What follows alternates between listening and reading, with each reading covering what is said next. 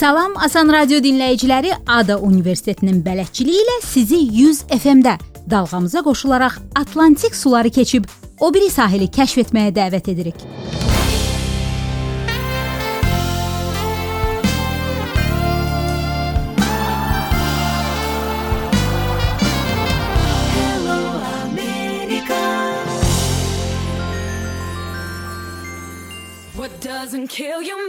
Amerika imkanlar diyarı.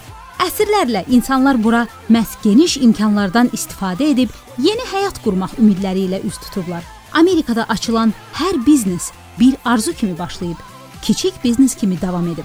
Prezident Kelvin Coolidge'in təbirincə desək, Amerikalıların əsas işi sahibkarlıqdır.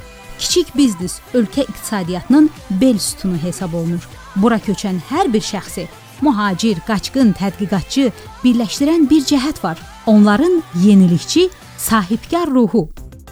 Lakin həqiqət budur ki, son illər kiçik biznesin həyatda qalması getdikcə çətinləşib. Müxtəlif praktiki səbəblərdən mal və xidmətlərin istehsalının maya dəyəri böyük şirkətlərdə daha ucuz başa gəlir. Böyük bizneslərin Vaşinqtondakı lobbisi var, hansı ki, onlara güzəştli şərtlərin yaradılmasına yardım edir və ən əsası, rəqabətə davam gətirmək üçün zəruri tədqiqat və inkişaf işlərinə böyük bizneslər daha rahatlıqla maliyyə ayıra bilir.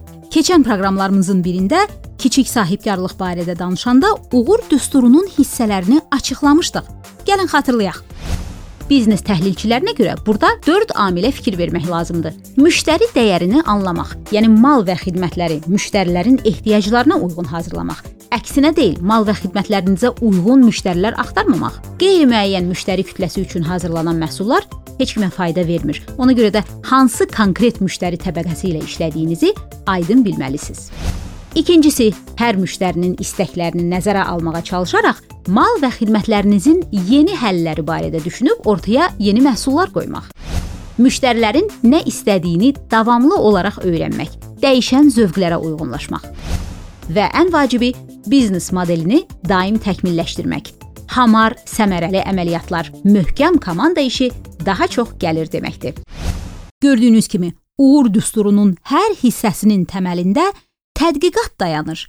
R&D, Research and Development. R&D, tədqiqat və inkişaf və ya elmi araşdırmalar vasitəsilə inkişaf Amerika biznesinə amansız rəqabətçil mühitdə həyatda saxlayan amildir. Elmi yanaşma biznesin gəlirlərini necə artırır? Kiçik biznesə innovasiyaya nəyə lazımdır?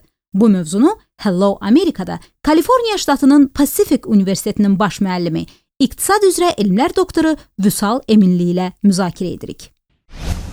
Amerikada şirkətlər öz hesablarından araşdırma və inkişaf işlərinə xeyli pul ayırırlar, çünki onlar başa düşürlər ki, bunsuz onlar rəqabət qabiliyyətini itirə bilərlər. Bazarlar azad olduğu üçün həmişə bazarlara yeni şirkətlər daxil ola bilər və böyük şirkətləri öz mövqelərindən tərpədə bilər. Ümumiyyətlə fikirləşsək ki, şirkətin ən ümdə məqsədi nədir? Şirkətin ən ümdə məqsədi ölçüsündən asılı olmayaraq xırda şirkətdə ola bilər, kiçik sahibkarın balaca biznesi ola bilər, iri, açıq səhmdar cəmiyyət ola bilər. Onların sahib olduğu şirkətin mənfəətləri ən maksimum səviyyədə olsun. Bu mənfəəti maksimum səviyyəyə necə çatdırmaq olar? Mənfəəti maksimum səviyyəyə çatdırmaq üçün ya gəlirlər artmalıdır, ya xərclər azalmalıdır. Ya da yeni innovativ məhsulları bazara təqdim etməklə olar. Xərcləri necə azaltmaq olar? Xərcləri də azaltmaq üçün biznes prosesini innovativ biznes şəkildə əməliyyatlarına yenidən əmə baxmaq. Bəli, biznes əməliyyatlarına yeni. yenidən baxmaq, biznes əməliyyatlarında olan xərcləri mümkün qədər azaltmaq, hansı ki,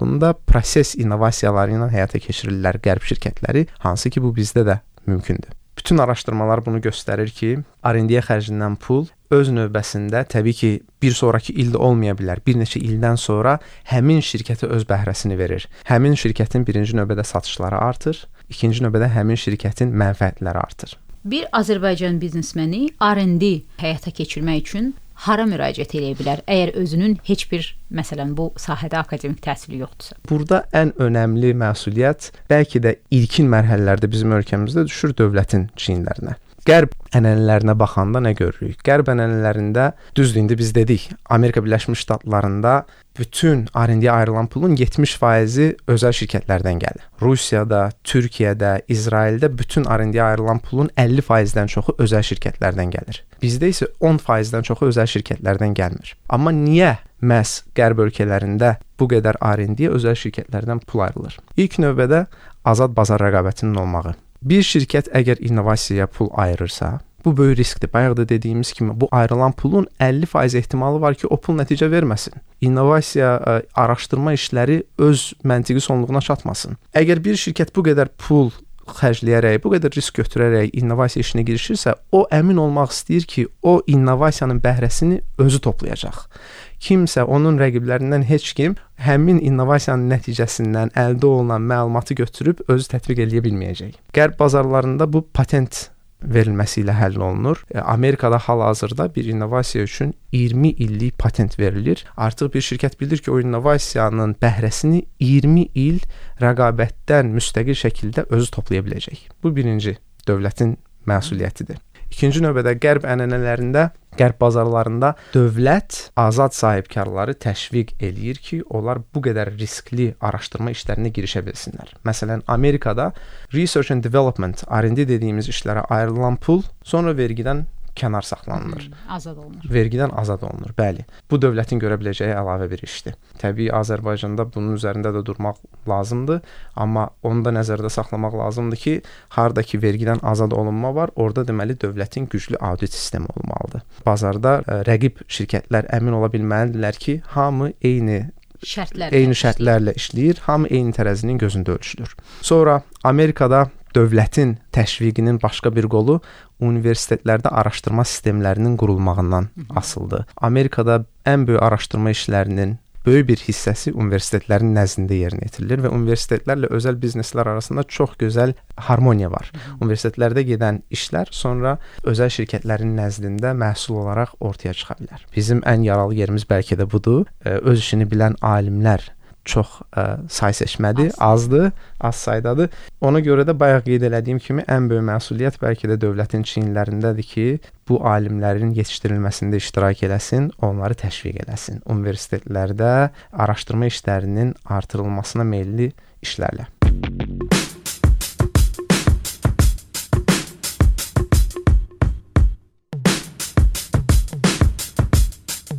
Yeah.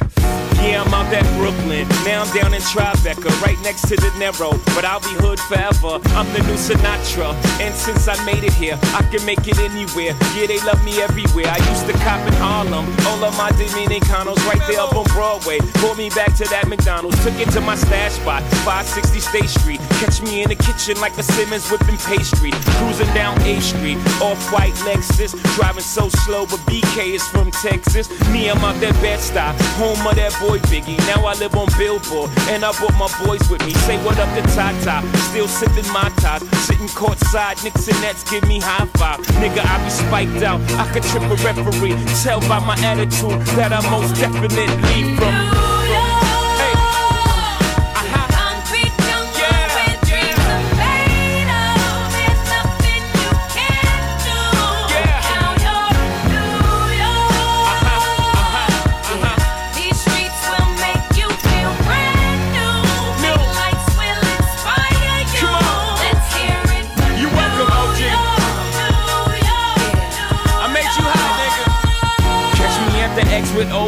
At a Yankee game. Shit, I made the Yankee hat more famous than a Yankee can. You should know I bleed blue, but I ain't a crypto. But I got a gang of niggas walking with my click though. Welcome to the melting pot. Corners where we selling rock. Africa been by the shit. Home of the hip hop. Yellow cap, gypsy cap, dollar cap, holla back. For foreigners, it ain't fair. They act like they forgot how to act. Eight million stories out there in the naked city. It's a pity half of y'all won't make it. Me, I got a plug special ed, I got it made. If Jesus paying LeBron, I'm paying Dwayne Wade. Three dice CeeLo, three card Marley. Labor Day parade, rest in peace Bob Marley. Statue of Liberty, long live the World Trade, long live the King, yo. I'm from the Empire State. That's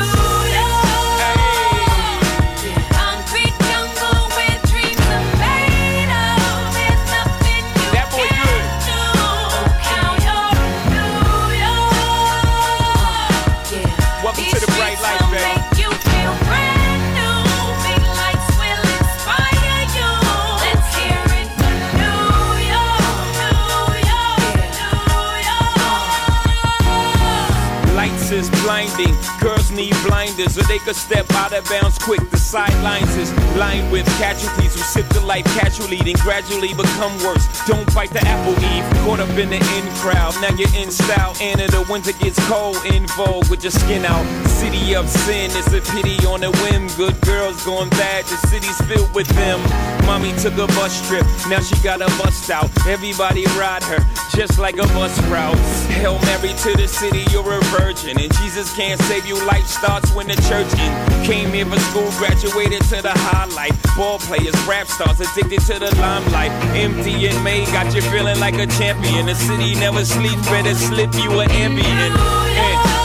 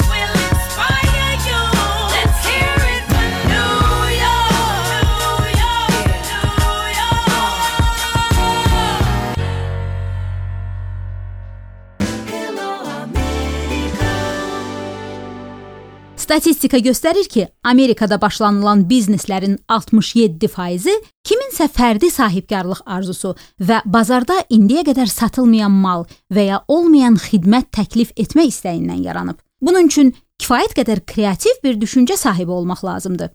Belə düşüncə tərzini ifadə edən xüsusi ifadə var. Gəlin öyrənək. Bu rubrikamızın məsləhətçiləri İngiliscə ali təhsil verən Ada Universitetinin akademik məqsədlər üçün ingilis dili proqramının müəllimləridir. Think outside of the box. Think outside of the box.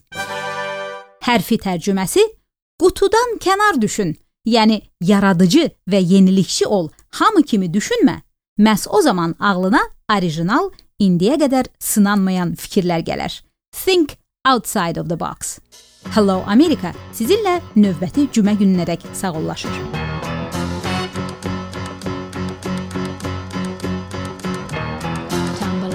and I stumble to the kitchen, pour myself a cup of ambition and yawn and stretch and try to come to life.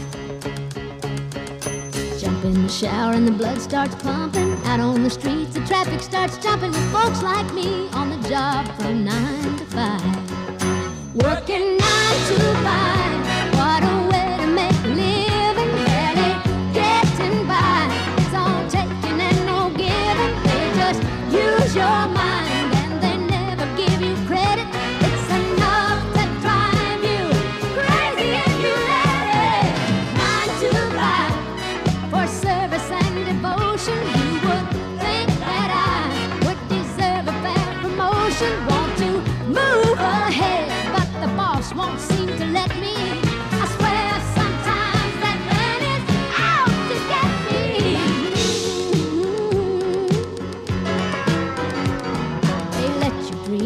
Watch him shatter. You're just a step on the boss man's ladder, but you got dreams he'll never take away. On the same boat with a lot of your friends, waiting for the day your ship will come in and the tide's gonna turn and it's all gonna roll your way. Working nine to five.